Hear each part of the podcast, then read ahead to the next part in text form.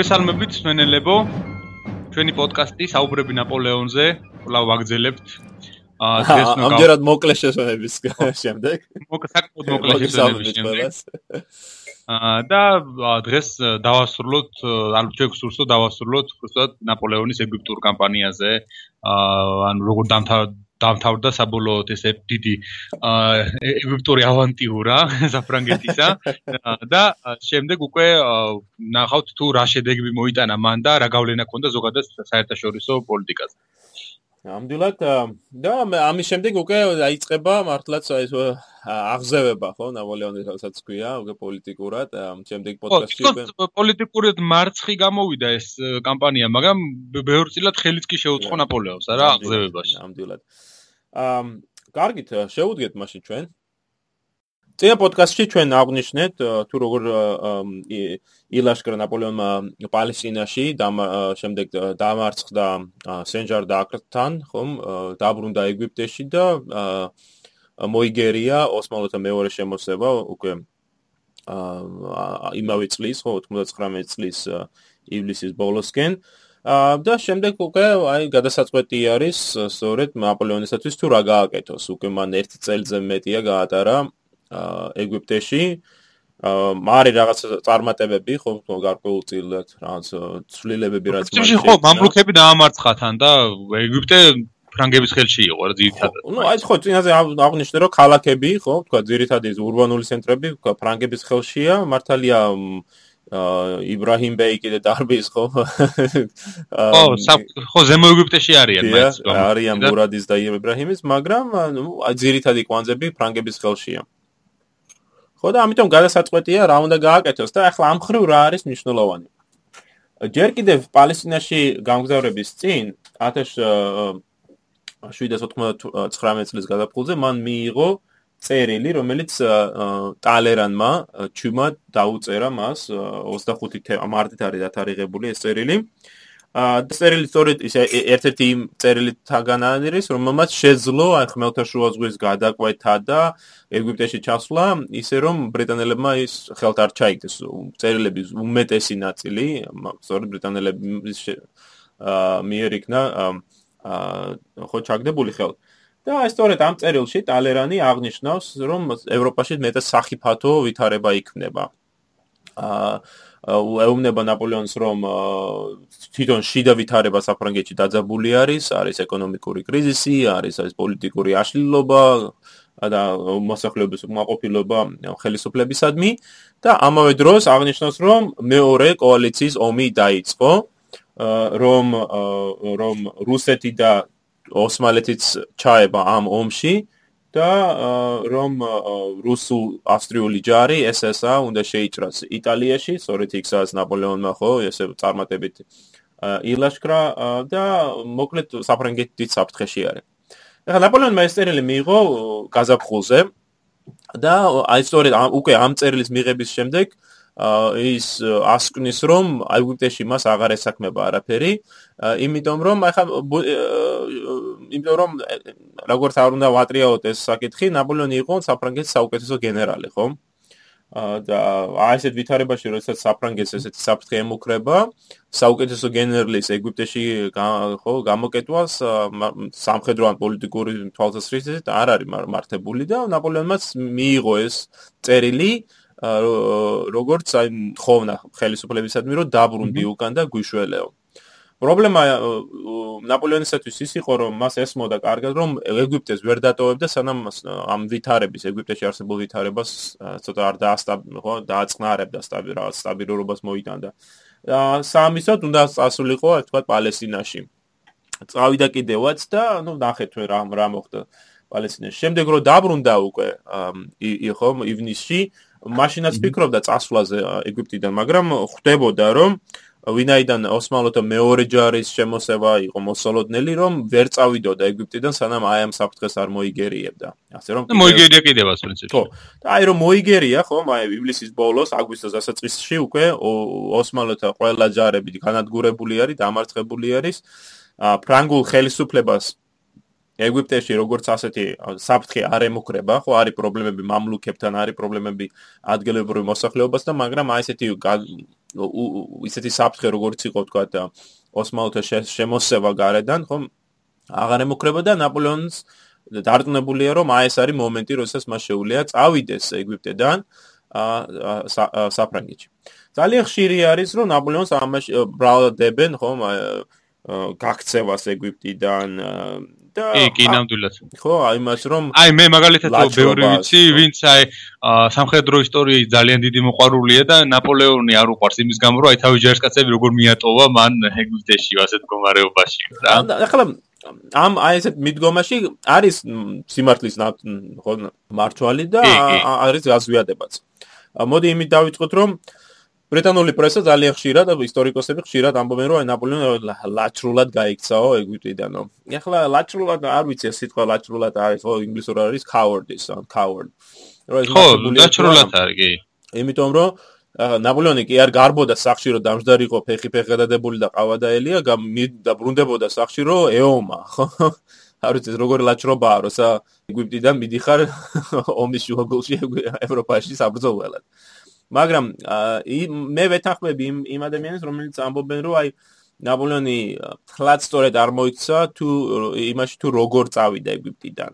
ქრისტოსთვის ნაპოლეონს უკვე აქვს ეს გადაწყვეტილი რომ უნდა წავიდეს ეგვიპტიდან მაგრამ მას ჭირდება აი საბაბი უშუალო მიზეზი რაც მას უბიძგებს ამისათვის და აი საბაბი სწორედ მას მისცა ბრიტანელმა ადმირალმა სიდნეი სმითმა რომელმაც გაუგზავნა საჩუქრად ნაპოლეონს გრამოდენმე გაზეთის ასლი, მათ შორის იყო გაზეთ დე ფრანკფურტ, კურიერ ფრანსეს დე ლონდრ, რომლებშიც ასახული იყო ევროპაში არსებული ვითარება, კერძოდ ამ დროისათვის აგვისტოსათვის ფრანგებმა განიცადეს ძიმე მარცხი იტალიაში, დაკარგეს სამხრეთ და ჩრდილო იტალიის უმეტესი ნაწილი.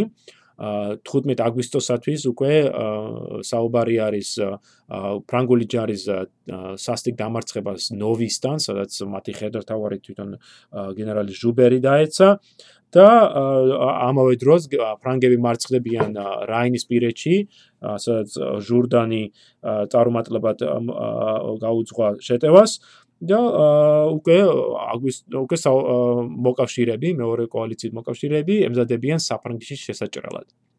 ამიტომ აი ნაპოლეონის თვალთახედვიდან ეს იყო კრიტიკული მომენტი.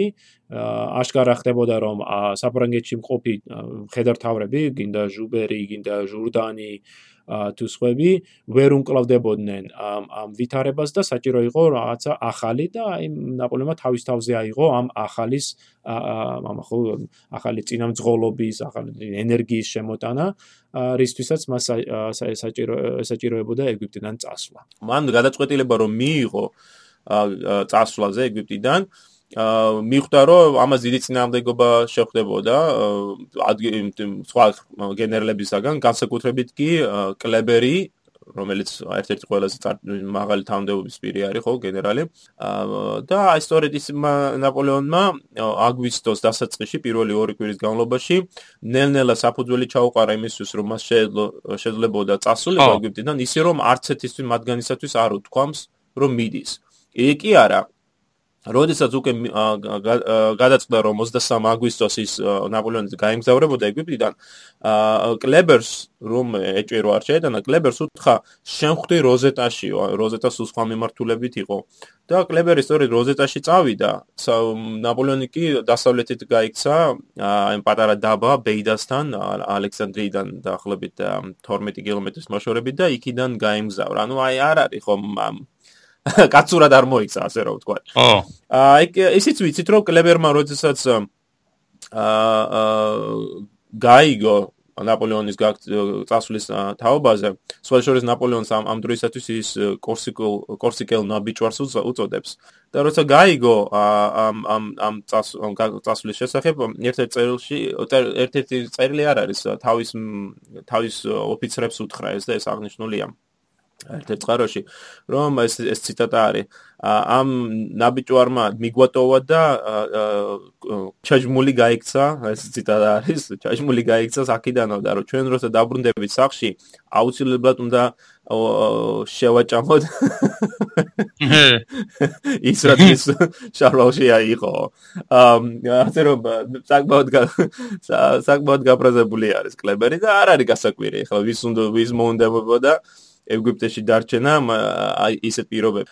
ნაპოლეონმა დაუტოვა კლებერს ვრცელი წერილი ამ ამ ხრევ შეიძლება რაღაცა საკებარი უთხრა მაინც ნაპოლეონს რომ დაუტოვა გრძელი წერილი კლებერს რომელშიც უხსნიდა თუ რატომ მიდიოდა საფრანგეთში და რაც თავია აიმედოვნებდა რომ აა როგორც კი დააწყნარებდა ვითარებას ვით საფრანგეთში, ხო, აუცილებლად ეცდებოდა ყველა ღონეს იხმარდა როგორც ის წერს, რათა ეხსნა ფრანგები ეგვიპტეში, ან გამოუგზავნიდა დამხმარე ძალას, გამოუგზავნიდა დამატებით სურსაც ანოვაგეს და ყველა ეკი არა იმასაც უწერს. წარმოგიდგენია კლებერს როგორც ჩაეცინა. ერთ-ერთ წერილის ერთ-ერთ მომენტში უწერს, რომ გამოგიგზავნი მსახიობების ჯგუფს, რომ დადგმები და დადგმები ხო იცი შექმნან და წარმოდგენენ ადამიანები კონდეთო აა ხლებას ალბათ გაიცინებოდა შეშუბლს ადროს ადროს ეგარისა მაგრამ ნაპოლეონი დაასწრებს რომ ეს მეტად ნიშნულოვანია ჯარის სულისკვეთებისათვისო მაგრამ გამწარა მოკლედ რა. მოკლედ. აა კლებერს არ დასწავდა ნაპოლეონთან. შეხვედრა და იმ დაპირების შესრულება. რადგანაც როგორც ალბათ ჩვენ მასმენელებმა იციან 1800 800 წლის 14 ივნის ის მოხანათურად მოკლეს ხო 24 წლის ახალგაზრდა არაბმა სოლიმანმა ის დაეცა თავს და მოკლა ამ ამასობაში ხო ესე იგი ნაპოლეონს რაც შეეხება 23 აგვისტოს აი დაბა ბეიდადა რომელიც მე აღნიშნე ნაპოლეონი აა ეგვიპტიდან წავიდა. იმისათვის რომ თავი აერედებინა ბრიტანელებისათვის, რომლებიც აკონტროლებენ სახმელთაშუა ზღვას, მან აირჩია ორი მომთროზომის ფრიგატი და ამის ვინაიდან ეს საკმაოდ მომთროზომის ხომალდი იყო, ბევრი ხალხის საკმაოდ არ შეელოდა ნაპოლეონი, ნაპოლეონმა აირჩია უახლოესი პირები, რომელიც გამოადგენდა მას აი სწორედ იქ საფრანგეთში ხო ევროპული კოალიციის ძინაამდე საბრძოლველად. ამიტომ არის რომ ამ ამ ჯგუფში შევიდა ესეთი პიროვნებები როგორც იყო ბერტიე ხო ადმინისტრაციული გენია ლანი მიურატი ახალგაზრდა ოფიცერი ანდრეოსი მას ჩვენ შევხვდებით კიდევ არაერთხელ მარმონი ხო მომოვალი მარშალი ასევე მეცნიერებები მათ შორის მონჯი ბერტოლე და ეს სახელგანთქმული ხელოვნება ცოდნე დენონი. ამათ შორის აღსანიშნავია კიდევ ერთი პიროვნება, რომელიც ფრანგიდან არ არის, არის სწორედ მამლუქი, საქართველოს დებული, ხო, რუსტამი. სხვათა შორის რუსტამი თვითონაც თავის მემუარებში საინტერესოდ აღწერს ამ თუ როგორ წავიდნენ ისინი ეგვიპტიდან ეს რუსტამი თვითონ მოხვდა თბილისში იყო დაბადებული, როგორც ალეკო თქვა. აა შემდეგ ნუ სომხეთში როცა წავიდა მამამისი, განჯი ხო, აპერკანიდან იყო წარმოშობილი. ხო, სომეხი იყო წარმოშობით, აპერკანიდან იყო. როსტომ რაზმაძე და ეს ეს მითები. ხო, ეს დასაკვირველია. უკვე გამოცემულია ქართულ ენაზე მისი მემუარები და თქვენ შეგვიძლიათ დაგაინტერესებთ, შეგიძლიათ იხილოთ ის გამოიცა 2012 წელს ნაპოლეონის მამლუქი რუსტამ რაზას მემუარები ამ დასახელებით. აა რუსტამი შემდეგ მოიტაცეს და როგორც შეიძლება ხდებოდა იმ პერიოდში გაყიდეს მონად ბოლო-ბოლო მოხდა ის ეგვიპტეში. ნუ ეგვიპტეში ემსახურებოდა სხვადასხვა ქართული წარმომავლობის მამლუქ სალიხ ბეის. აა შემდეგ როცა ნაპოლეონი შეიჭრა ეგვიპტეში, სალიხ ბეი შემდეგ ჯეზარ-ფაშა მოწამლა და მოკლედ ეს რუსტამი რუსტამს ახალი პატრონი გამოუჩნდა, რომელმაც საბოლოოდ ის ნაპოლეონს გადასცა შემდეგ კაიროში ყოფნისას და სწორედ აი პალესტინიდან რო დაბრუნდა, ხო? და მავერცხებული ნაპოლეონი აი კაიროში რო შედის ზარზე იმით, როგორც აღნიშნე რომ აი აღნიშნა ეს გამარჯვება, სწორედ მაშინ მიართვეს საჩუქრად რუსტამი. რუსტამი აჩუქეს თან პატარა იყო ასაკით მაშინ რუსტამი და რუსტამი მე მგონი ესე 11 წლის იყო რომ მოიტაცეს ხო და მე მგონი ამ დროისათვის 15 წლის არის კი დაახლოებით ესე უნდა იყოს.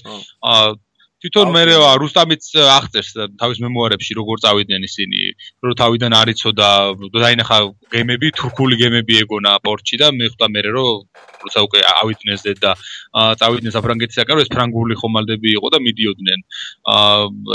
ეგვიპტიდან ისინი ტოვებდნენ ეგვიპტეს და საბოლოოდ რუსტამი დიწლების განმავლობაში ემსახურა შემდეგ ნაპოლეონის კონსულობის პერიოდშიც მისი მსახური იყო იმპერატორობის პერიოდში და ალბათ შემდგომ პოდკასტებში როცა ჩვენ უკვე იმპერიის პერიოდზე გადავალ და ნაპოლეონის თქვა იმპერიის დასასრულის პერიოდზე კიდევ ვახსენებთ მას რამდენჯერმე თუ როგორ განვითარდა მისი ისტორია რადგან ეს ქართველებისთვის ძალიან ზედი საინტერესო პიროვნებაა მიუხედავად იმისა რომ არ აღმოჩნდა ის რაზმაძე რომელიც ქართველებს უნდათ ნამდვილად მოკლედ აა დაუბრუნდეთ ჩვენ ნაპოლეონს რუსტამზე ნახლას არაერთხელ კიდევ ვისაუბრებთ. ძალიან საინტერესო ცხოვრება ქონდა ამ პიროვნებას და ბევრი ისეთი თავგადასავალიც გადაიტანა ასე რომ არაერთხელ აღნიშნავთ მას.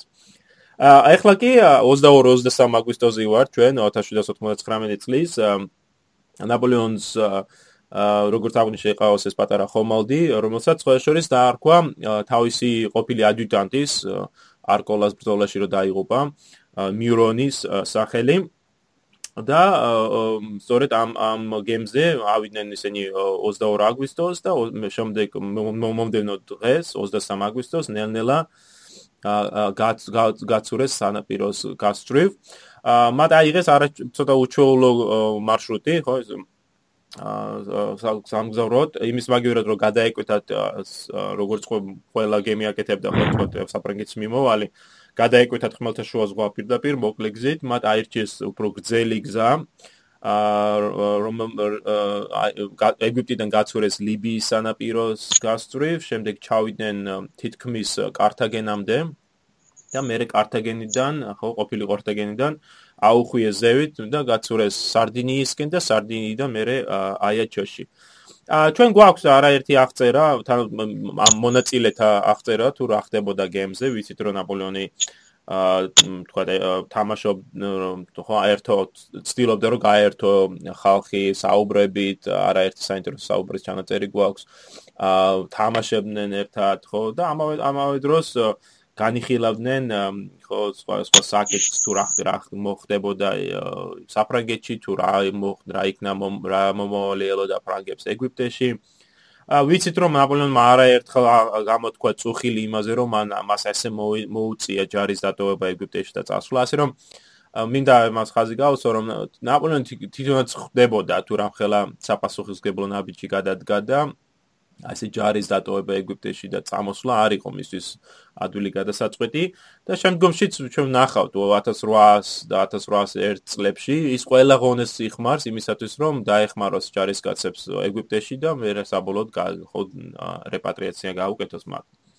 აა 20 სექტემბრის მიწურულს 30 სექტემბერს თუ თუ დაგაინტერესებს მსმენელს ნაპოლეონმა და მისმა თანხლმა პირებმა შეძლეს უკვე კორსიკაში ჩასვლა, რაც მეტად სასიხარულო ამბავი იყო. ფაქტურად გზის უმეტესი ნაწილი მათ გადაკვეთეს. აიაჩოში წესით, წესით და რიგით მათ каранტინი უნდა გაემოებლოთ, ანუ რამოდენიმე ხო, რუსთავთაც აქვს აღწერილი სხვათა შორის ეს. ხო, რომ ორგემაინს დაყოფილიყვნენ გემზე, ხო? რათა არ ჩამოეტანათ რამე შავი ჭირი ან რაღაც სხვა დაავადება აღმოსავლეთიდან. აა მაგრამ ხო იცი თული ამბავში გაწავდნენ ქართულ ამბავში ახლობობა ნაცნობობა ნაპოლეონმა თავის ბიძაშვილმა ბიძაშვილებს დაუკავშირდა და მოკლედ მედიტერანული ხასიათი რა? აა სამხრეთული რა? გემზე ყოფილიყო თავისი კასა ბონაპარტეში ზე აღნიშნა და მშობლიურ ხო სახში აღნიშნა ეს სამშობლოში დაბრუნება. აა აქ მან ერთი კვირა გაატარა და მე 6 ოქტომბერს დატოვა აიაჩო და გაემგზავრა აა გაემგზავრა საფრანგეთში. სხვადასხვა იმავე დღეს, 6 ოქტომბერს აიაჩოდან რომ აა გაცურა ამ ამ გემზე, აა ბრიტანული ხომალდები გამოჩნდა, სამხედრო ხომალდები და სხვადასხვა იყო იმის საშიშროება, რომ ეს გემი ხელთ ჩაეგდოთ. აა მათ მაგრამ ადმირალი არის სხვა შორის ამ ხომალდზე ადმირალი განტომი და განტომი ეუბნება ნაპოლეონს რომ მოდი დაუბრუნდეთ კორსიკაზე და იქ გავატაროთ კიდე რამოდენიმე დღე. მაგრამ ნაპოლეონი სურს რომ მალე მალე დაბრუნდეს საფრანგეთში და ამიტომ აა იღებს გადაწყვეტილებას რომ რაც შეიძლება სწრაფად გაცრონ და თავი აარიდონ ამ ბრიტანულ ხომალდებს რაც მათ მოახერხეს კიდევაც. და 1799 წლის 9 ოქტომბერს 4 შაბათ დღეს სწორედ ნაპოლეონი ჩავიდა დაბა პრეჟუსში რომელიც კანები დღევანდელი ხო სახელგანთმული კანებიდან არც შეშორს დაბარეობს და გადასხდა კიდევაც საფრანგეთში. იმავე საღამოს 9 ოქტომბერს ის უკვე ცხენზე იჯდა და საფრანგ პარიზისკენ მიდიოდა. აა ეს მართლაც საოცარი მგზავრობა იყო, შესაძლოა ნაპოლეონის შემდგომში ნაპოლეონ ეკნება ამ ამ მიურონის, ამ ხომალდის, რომელზედაც მან გაატარა თქმი ორი თვე ნახევარი, ხო? აი ეს ამ ხომალდის პატარა მინიატურა მოდელი, რომელიც მის მაგიდაზე ეთქმევა, რომ აი როგორც სახსოვრად იმისა თუ თუ რამ ხელა რამ ხო გამოიარეს მათ. აა სანამ ჩვენ ვიცაუბრებდით თვითონ ნაპოლეონზე და რა მოხდებოდა საფრანგეთში, მნიშვნელოვანია დაუბრუნდეთ ჩვენ ეგვიპტეს და ვისაუბროთ თუ რა ხდებოდა ეგვიპტეში მის არყოფნაში. ასე ამრიგად ეგვიპტური ეს ავანტიურა შე როგორც თქვი, ხო? არ ვიცი შენ უარყოფითად იხმარე ეს სიტყვა თუ თუ ისე როგორც ინგლისურად მაიციან adventure, ხო? ხო, ამ ხრევ, მაგრამ ეს ეს ავანტიურა დასრულდა. ნაპოლეონმა ეგვიპტეში გაატარა წელიწადზე ცოტა უფრო მეტი ხანი, და შემდეგ აი წამოვიდა საფრანგეთში. მის ნაცვლად სათავეში ჯარ სათავეში ჯერ კლებერი ჩაუდგა. კლებერმა სხვადასხვა დაწერა ძალიან ესეთი კაცრი და კრიტიკული მოხსენება ნაპოლეონზე რომელიც გაიგზავნა დირექტორიაში მაგრამ ბრიტანელებმა ჩაიგდეს ხელთ როცა ის ხო ხომალდა შუა ზღვაში იყო ჩაის ჩაიგდეს ხელთ ეს წერილი და გამოაქვეყნეს მაგრამ დაგვიანებით მოხდა ეს და აი მან მნიშვნელობა იქონია, იმიტომ რომ ადრე რომ გამოექვეყნებინა, ამ დროზე რომ გამოექვეყნებინათ. შესაძლებელია რომ ნაპოლეონი, აი ეს ახლა ჩასული საფრანგეთში ნაპოლეონი, ხო, ძალიან დიდ ესეთ წნეხის ქვეშ მოექცეოდა. მაგრამ ასე რომ ამ ხრევს მეტად მართლაც რომ გაუმართლა ნაპოლეონს, მაგრამ აი მოხსენებას რომ გადავხედოთ, კლებერს კლებერის ცხადი ხდება თუ რამხელა რამდენად რთული ვითარება არის ეგვიპტეში. ნაკლებობა აქვს სურსაცანოვაგის ნაკლებობა აქვს იარაღის ნაკლებობა აქვს ტყვია-წამლის კლებერი აღნიშნავს რომ დიზენტერია და ოფტალმია ხო ეს თვალის დაავადება ვინაიდან ფრანგები არ იყვნენ მიჩოულები ამ ცხუნვარე მზეს. აი ეს ოფტალმია გავრცელებული იყო და რომ ჯარი მეტად მეტად დასუსტებული არის. მოკლედ ეგვიპტის კომპანია მნიშვნელოვანი არის რამოდენიმე ფაქტორის გამო. თუ ჩვენ შევხედავთ სამხედრო ან სტრატეგიული ფაქტორის გამო, ხრივ ეგვიპტური კომპანია იყო მარცხი. ამას წინათ ერთ-ერთ ფორუმზე მქონდა დავა ერთ-ერთ პიროვნებასთან, რომელიც ამტკიცებდა, რომ ეგვიპტური კომპანია იყო დიდი წარმატება, დიდი გამარჯვება. მაგრამ თუ გადავხედოთ ჩვენ აი იმ დასახულ მიზნებს, რაც საფრანგეთს ამოძრავებდა და ნაპოლეონი საუბრობდა ხო წასვლის წინ, იმ მიზნებიდან არც ერთი არ შესრულდა. აა ხო, პრინციპში ძალიან ის ისეთი ექსპედიცია იყო, თავიდანვე ძალიან საეჭო იყო რა მაგ ყველაფრის შესრულება რა. ხა რა სიტუაციაში იმ შორე საფრანგეთიდან აზ ინგლისის ფლოტი თელს ძღებს აკონტროლებს და აქ გადმოსხა ცალკეული ნაწილი, ხა რომელ რომელს რამდენ ხანმა გაძლოს, ნუ აქ და რამდენი რა უნდა გააკეთოს რა. ხო ამ მაშინ იცი აი მართალი ხარ გეთახმები მაგრამ ამ მაშინ მეორე კითხვა ისმევა თუ რატომ გადადგეს ეს ნაბიჯი ხო? ანუ აი მეტად ეს სარისკო გადაწყვეტილება არის და ფაქტურად აი მოდი ვცადოთ ესეთი მიდგომა არის ვაი და გამოვიდეს ხო? არა და ადამიანის ცხოვრება ხო ამდენი ადამიანის ბეთთან იყო ეს დაკავშირებული თუნდაც ფრანგების ჯარისკაცების თუ ეგვიპტეში მყოფი მამლუქების თუ ზოგადად ხო მოსახლეობის რამდენი ადამიანი შეეწირა ამას. აა და არა და სამხედრო სტრატეგიული თვალსაზრისით ამ კამპანიას შედეგი არ მოყვა.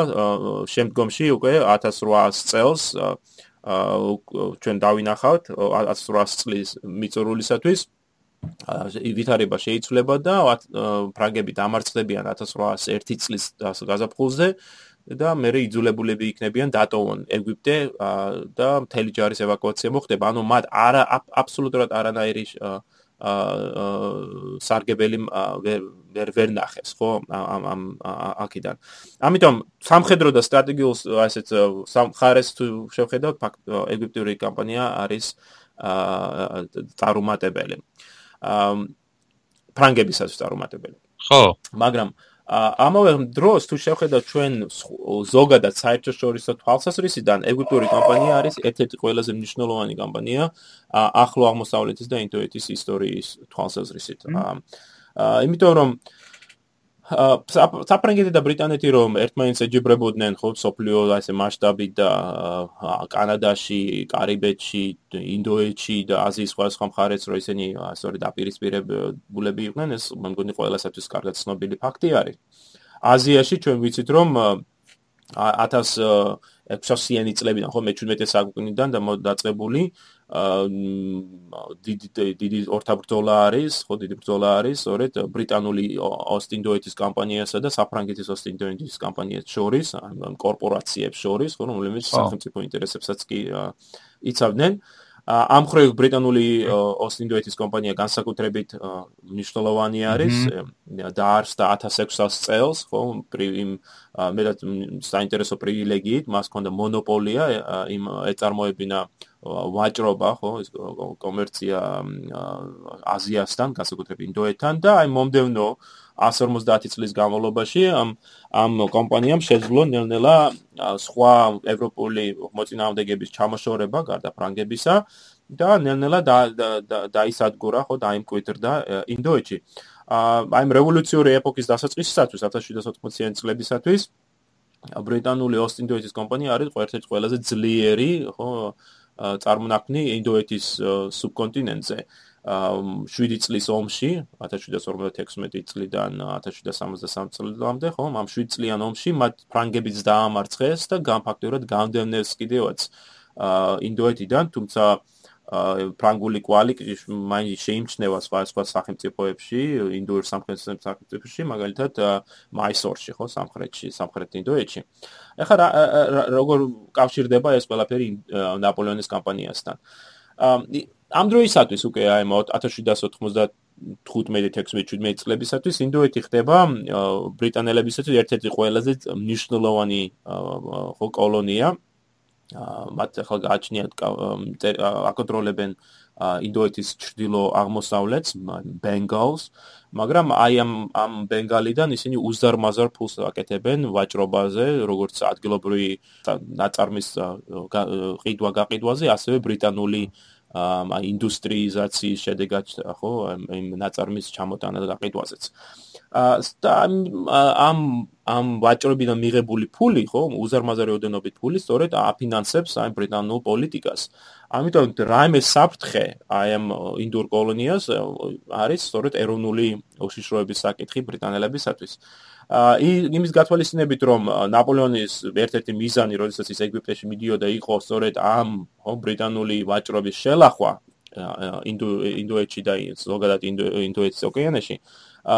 ბრიტანელებმა ეს აღიქვეს როგორც ეროვნული ეშიშროების საკითხი, აი ეს ყველაზე მნიშვნელოვანი საკითხი და სწორედ 98 წლიდან გაზაფხულიდან, ой, უბრალოდ ზაფხულიდან, როდესაც ნაპოლეონი გადასხდა ეგვიპტეში, ბრიტანული პოლიტიკის ერთი ძალიან მნიშვნელოვანი მიმართულება არის სწორედ ამ ფრანგული საფრთხის განეტრალება.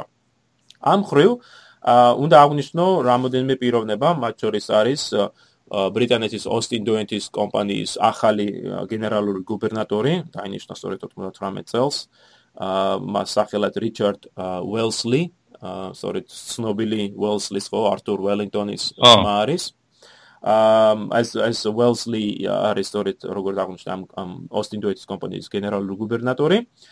და მეორე პიროვნება რომელსაც ალბათ რომელიც ნაკლებად ცნობილი იქნება მსმენელისათვის არის ჰენრი დანდასი რომელიც ამ დროს არის ბრიტანეთის სამხედრო მინისტრი.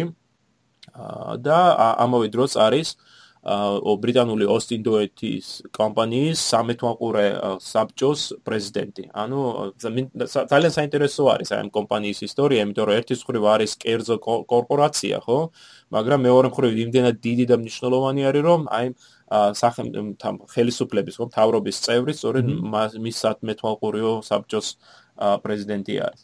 და მოკლედ აი ამ ორ პიროვნებას შორის, ამ ველსლისა და დანდას შორის დაიწყება მიმოწერა, ძალიან აქტიური მიმოწერა თუ რა ვქნა ჩვენ ამ ფრანგებზე, რატო არიან ფრანგები ეგვიპტეში. და well as Wellesley and it's წერს ინგლისში ძალიან ფრთელ მოხსნებას და მასში ის ხსნის თავის მოსაზრებას რომ ფრანგები ეგვიპტეში არიან იმიტომ რომ მათი საბოლოო მიზანი არის ინდოეთში შეჭრა.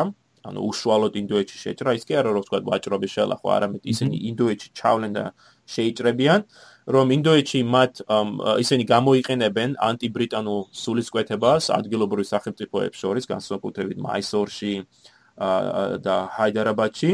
და ამავე დროს რომ ისინი გამოიყენებენ ავღანელთა ხელისუფალ ზამან შას რათა ჩრდილოეთიდან შეუტიოს ბრიტანელებს. ანუ აი უელსლის წამოსახვაში ეგვიპტური კომპანია იყო სწორედ პირველი საფეხური ამ გრანდიოზულ ხო სტრატეგიულ ჩანაფიქრში, რომელიც ფრანგებს ამოძრავებდათ და ეს იყო ბრიტანელების განდევნა ინდოეთიდან.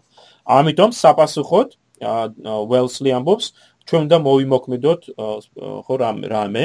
დანდასი სხვა შორის ეთანხმება ამას ამ მოსაზრებას და მას დანდას წერილებს რო გადახედოთ, ხდება ნათელი რომ მას გონია რომ ფრანგები ეგვიპტიდან 4 შესაძლო გზით შეიძლება შეიჭნენ ინდოეთში, აქედან 2 საზღვაო გზა არის, აა ერთი კი, ოიცე, დარჩენი ორი კი ხმელეთზე გამავალი.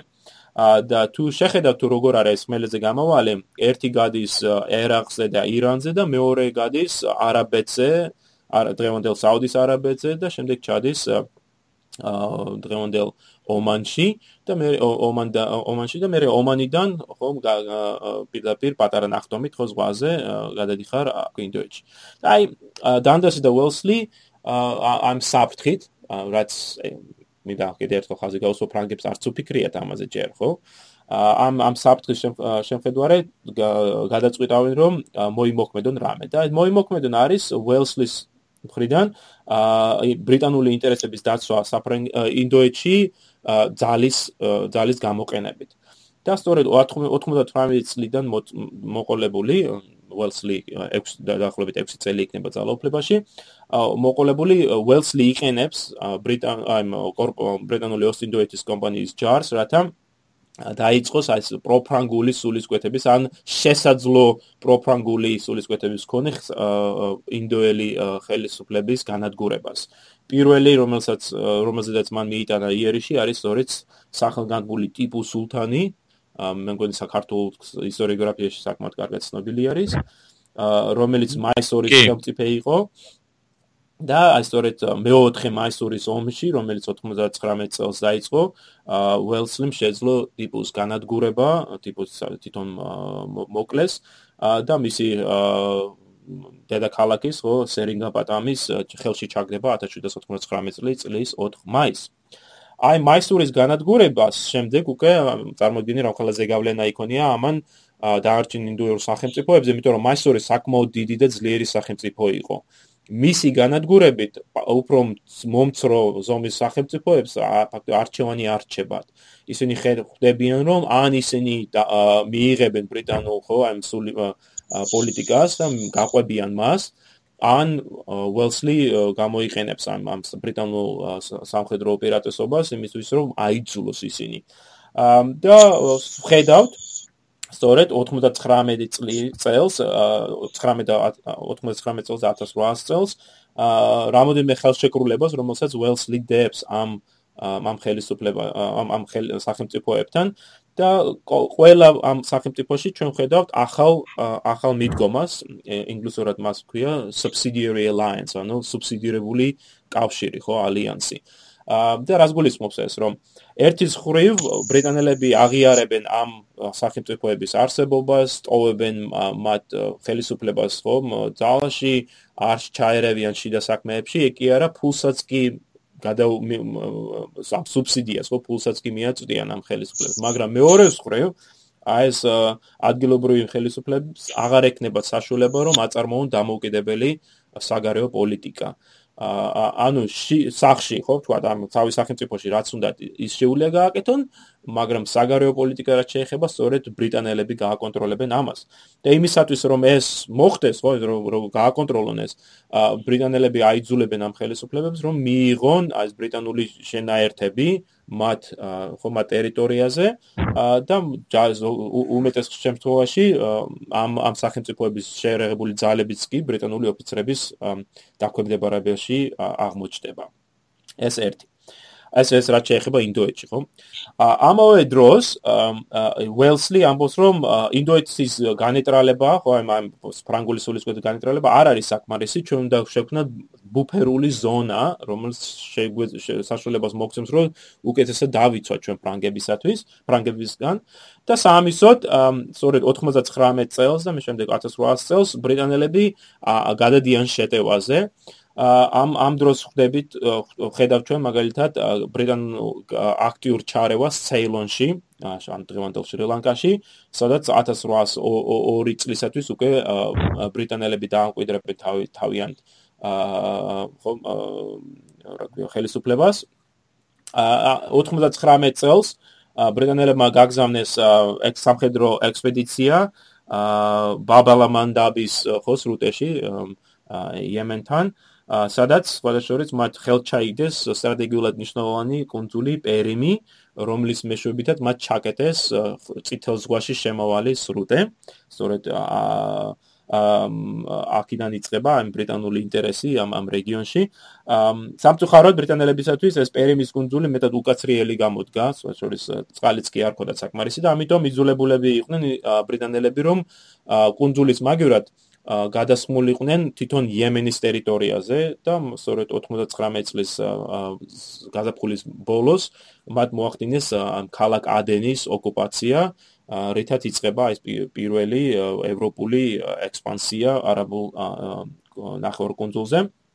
ამის პარალელურად იგივე პერიოდი არის ხო ბრიტანელებმა გაგზავნეს ექსპედიცია ომანში, ამ დროს მას მუსკატი ერქვა. და სწორედ ბრიტანულმა წარმომადგენელმა შეძლო მუსკატის ხელისუფლებასთან, სულთან იმ აჰმადთან მოლაპარაკების ჩატარება, რომლის მიხედვითაც სწორედ ამ ორ სახელმწიფოს შორის შედგა ეს ეს სუბსიდირებული ალიანსის ჩამოყალიბება, ერთის ხრივ ბრიტანელები მას შესთავ მათ მუსკატს შესთავაზეს ხელსაყრელი ერთად ვაჭრობის პირობები ინდოეთში, მაგრამ მეორე მხრივ მუსკატმა აიღო ვალდებულება, რომ არ მისცემდა საშუალებას ფრანგებს, ნებისმიერ ფრანგს, ვაჭარი იქნება და ეს თუ თუ სამხედრო გასულიყო მუსკატის ტერიტორიაზე და ამის ამით ფაქტურად ბრიტანელებს აძლევდა თავის საგარეო პოლიტიკის გაკონტროლების საშუალებას. აა კიდე უფრო მნიშვნელოვანი არის სწორედ აი ამ პერიოდში 98 წლის 18-19 წლებში ბრიტანული ოსტინდოეთის კომპანიის გადაწყვეტილება რომ გაეგზავნა ელჩი სპარსეთში. ელჩი სწორედ ჩადის ირანში 90 18 წლის მიწრულს 99 წლის დასაწყისში. ელჩის სახელი არის მალკომი ჯონ მალკომი საკმაოდ საინტერესო პიროვნება შემდგომში ირანის ისტორიასაც დაწერს სტალინს საინტერესოს.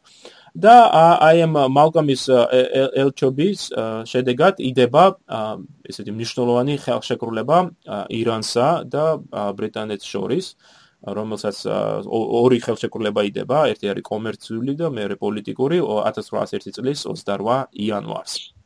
და აი ახაც ჩვენ ხედავთ სწორედ იგივე მიდგომას, რომ ერთის ხრივ ბრიტანელები პირდებიან ირანს, რომ ისინი მას დახმარებას გაუწევენ, ფულადს, ხო სუბსიდიას გაუწევენ, მაგრამ მეორე ხრივ სთხოვენ, რომ ირანმა ჩაკეტოს თავის საზღვრები ფრანგებისათვის. და აი ამ ამით ხდება ბრიტანული ხო ინტერესების დაცვა რეგიონში.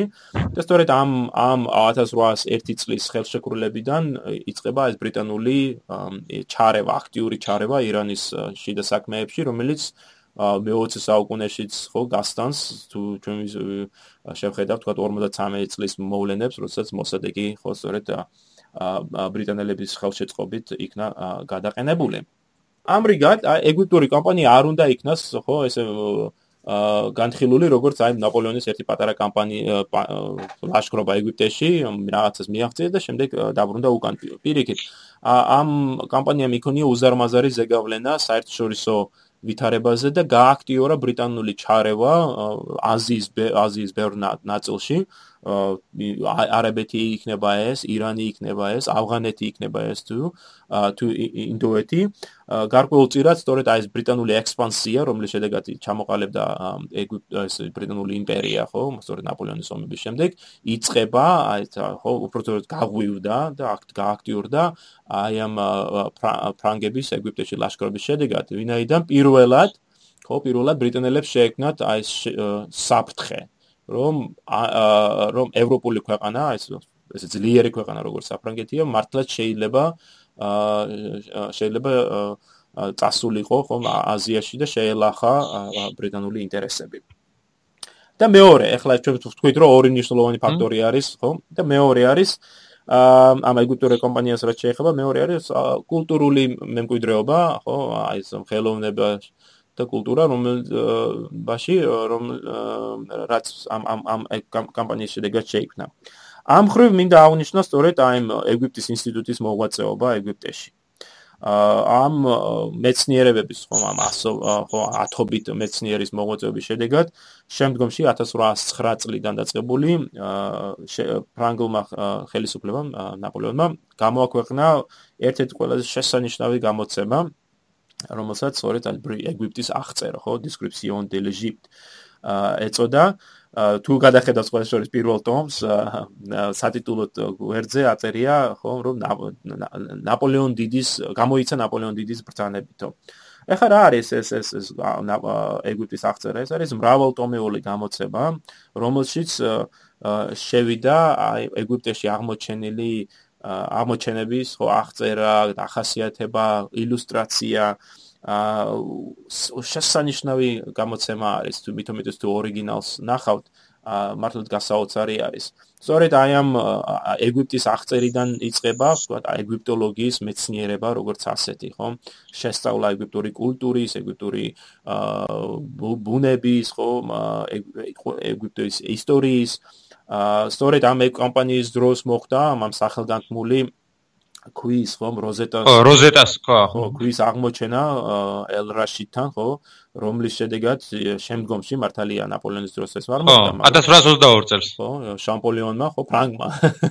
აა ისო ფრანგმა ინგლისელებმა წაიღეს მაგრამ მაინც ფრანგმა გაშიფრა ხო ეგ ეგ ისტორია თუ იცი შე რომ ფრანგებ 1801 წელს რუსე კონვენცია დაიდო ელ-რაშიდის რომ და წასულიყვნენ ხო ფრანგები ეგვიპტიდან ბრიტანელებმა თქვეს რომ შეგიძლია წახვიდეთ და რაღაცა პატარა ნიფტები შეგიძლია წაიღოთო ხო? და ფრანგების სხვა შორის ფრანგებმა სადეს ამ უზარმაზარი ქვის ხო ჩაფუთვა და შეყაიღება და ბრიტანელებმა ხო არ გაგიშტითო. და არა ყვა დატოვეთო და ამიტომ ფრანგებმა ასლი გააკეთეს ხო ამ ამ ქვის ამ წარწერების ასლი გააკეთეს და სწორედ შამპოლიონი როდესაც ის ცდილობს გაშიფრვას, ხომ, ამ წარწერების, ამ ასლით ხელმძღვანელობს. ამ დღეს თუ ვინმე ოდეს მე ჩავა ლონდონში და წავა ბრიტანულ მუზეუმში, სწორედ ეს როზეტა სკვაის მეტად საპატიო ადგილი აქვს იქ ამ ამ მუზეუმში. პრინციპში ისიც შეიძლება ვთქვათ ალბათ რომ აღმოსავლეთის ქვეყნებისთვისაც არანაკლებ მნიშვნელოვანი იყო ამან. პირველ რიგში საერთოდ როგორც ვთქვით ისტორიოგრაფიაში ნაპოლეონის ლაშქრობიდან იწყებენ ახალ ისტორიას არა აღმოსავლეთის ქვეყნებში. ანუ ახალი შუა საუკუნეები ანთავრდება და ახალი ისტორია იწყება უფრო საფრანგეთის რევოლუციის შემდგომ პერიოდში აი ნაპოლეონმა რო ილაშქრა ეგვიპტეში და ამავე დროს ბევრი რაღაც ისეთი დაინახეს მუსლიმებმა ამ პერიოდში თუნდაც ოსმალეთის იმპერიამ თუნდაც ეგვიპტეში და სხვა ქვეყნებმა რაც ანუ ასე თქვათ მათ მისცა საფუძველი რომ მომდევნო პერიოდში რაღაც სულება განიცადა. აი თუნდაც ის რომ ის ქვეყანა თუ საფრანგეთი ევროპული ქვეყანა ისე შეიჭრა ამ ეგვიპტეში რომ აქედან მისი განდევნა მოახერხა მხოლოდ ისე ევროპულმა ევროპულმა ძალამ და არა თელმა აღმოსავლეთმა ხო? ანუ რამდენად დიდი გამოიკვეთა? კონტრასტი ევროპულ და აზიურ ძალების ერთმანეთთან შეფარდებაში აქ ხედავთ რომ ანუ მაინც როგორი დომინანტი არის თუნდაც საფრანგეთი თუნდაც ინგლისი და რამდენად მეტი შესაძლებლობები გააჩნია ვიდრე თქვა ოსმალეთის იმპერიას ან რომელიმე სხვა აღმოსავლურ სახელმწიფოს. ნამდვილად მართალი ხარ ამ ხრივის ის არის აღსანიშნავი რომ სწორედ ნაპოლეონმა შეძლო ამ მამლუქების ხო დამარცხება და პოლიტიკური ვაკუუმის შექმნა რომელშიც ხო როცა ოსმალები ოსმალები საკმაოდ პრობლემურად იყვნენ არა მამლუქებთან ხო ანუ დიდი ხნის განმავლობაში მაგრამ მაინც ვერ შეძლეს მათი ასე განადგურება როგორც თქვა ნაპოლეონმა შეძლო და მე უკვე მეჰმედ ალის გამოჩენა ხო შესაძლებელი გახდა სწორედ ამ ფრანგების იქ ყოფნის ყოფნით. მეჰმედ ალი გაიგზავნა სწორედ ნაპოლეონ ფრანგების წასვლის შემდეგ და მან შეძლო ზალაუფლებაში მოსვლა იმის გამო რომ სწორედ აი ეს პოლიტიკური ვაკუუმი ხო ეს აშლილობა არის ეგვიპტეში ნაპოლეონის ეგვიპტეში ლაშქრობის შედეგად. ასევე ხო აი შენ მართალი ხარ აღნიშნე რომ ფრანგების გამოჩენა ეგვიპტეში და აი რეფორმების ჩატარების ცდელობა მნიშვნელოვანი იმით რომ მან დაანახა თუ რის შესაძლებლობა შეიძლება ხო არის შესაძლებელი ამ ამ ამ ქვეყანაში.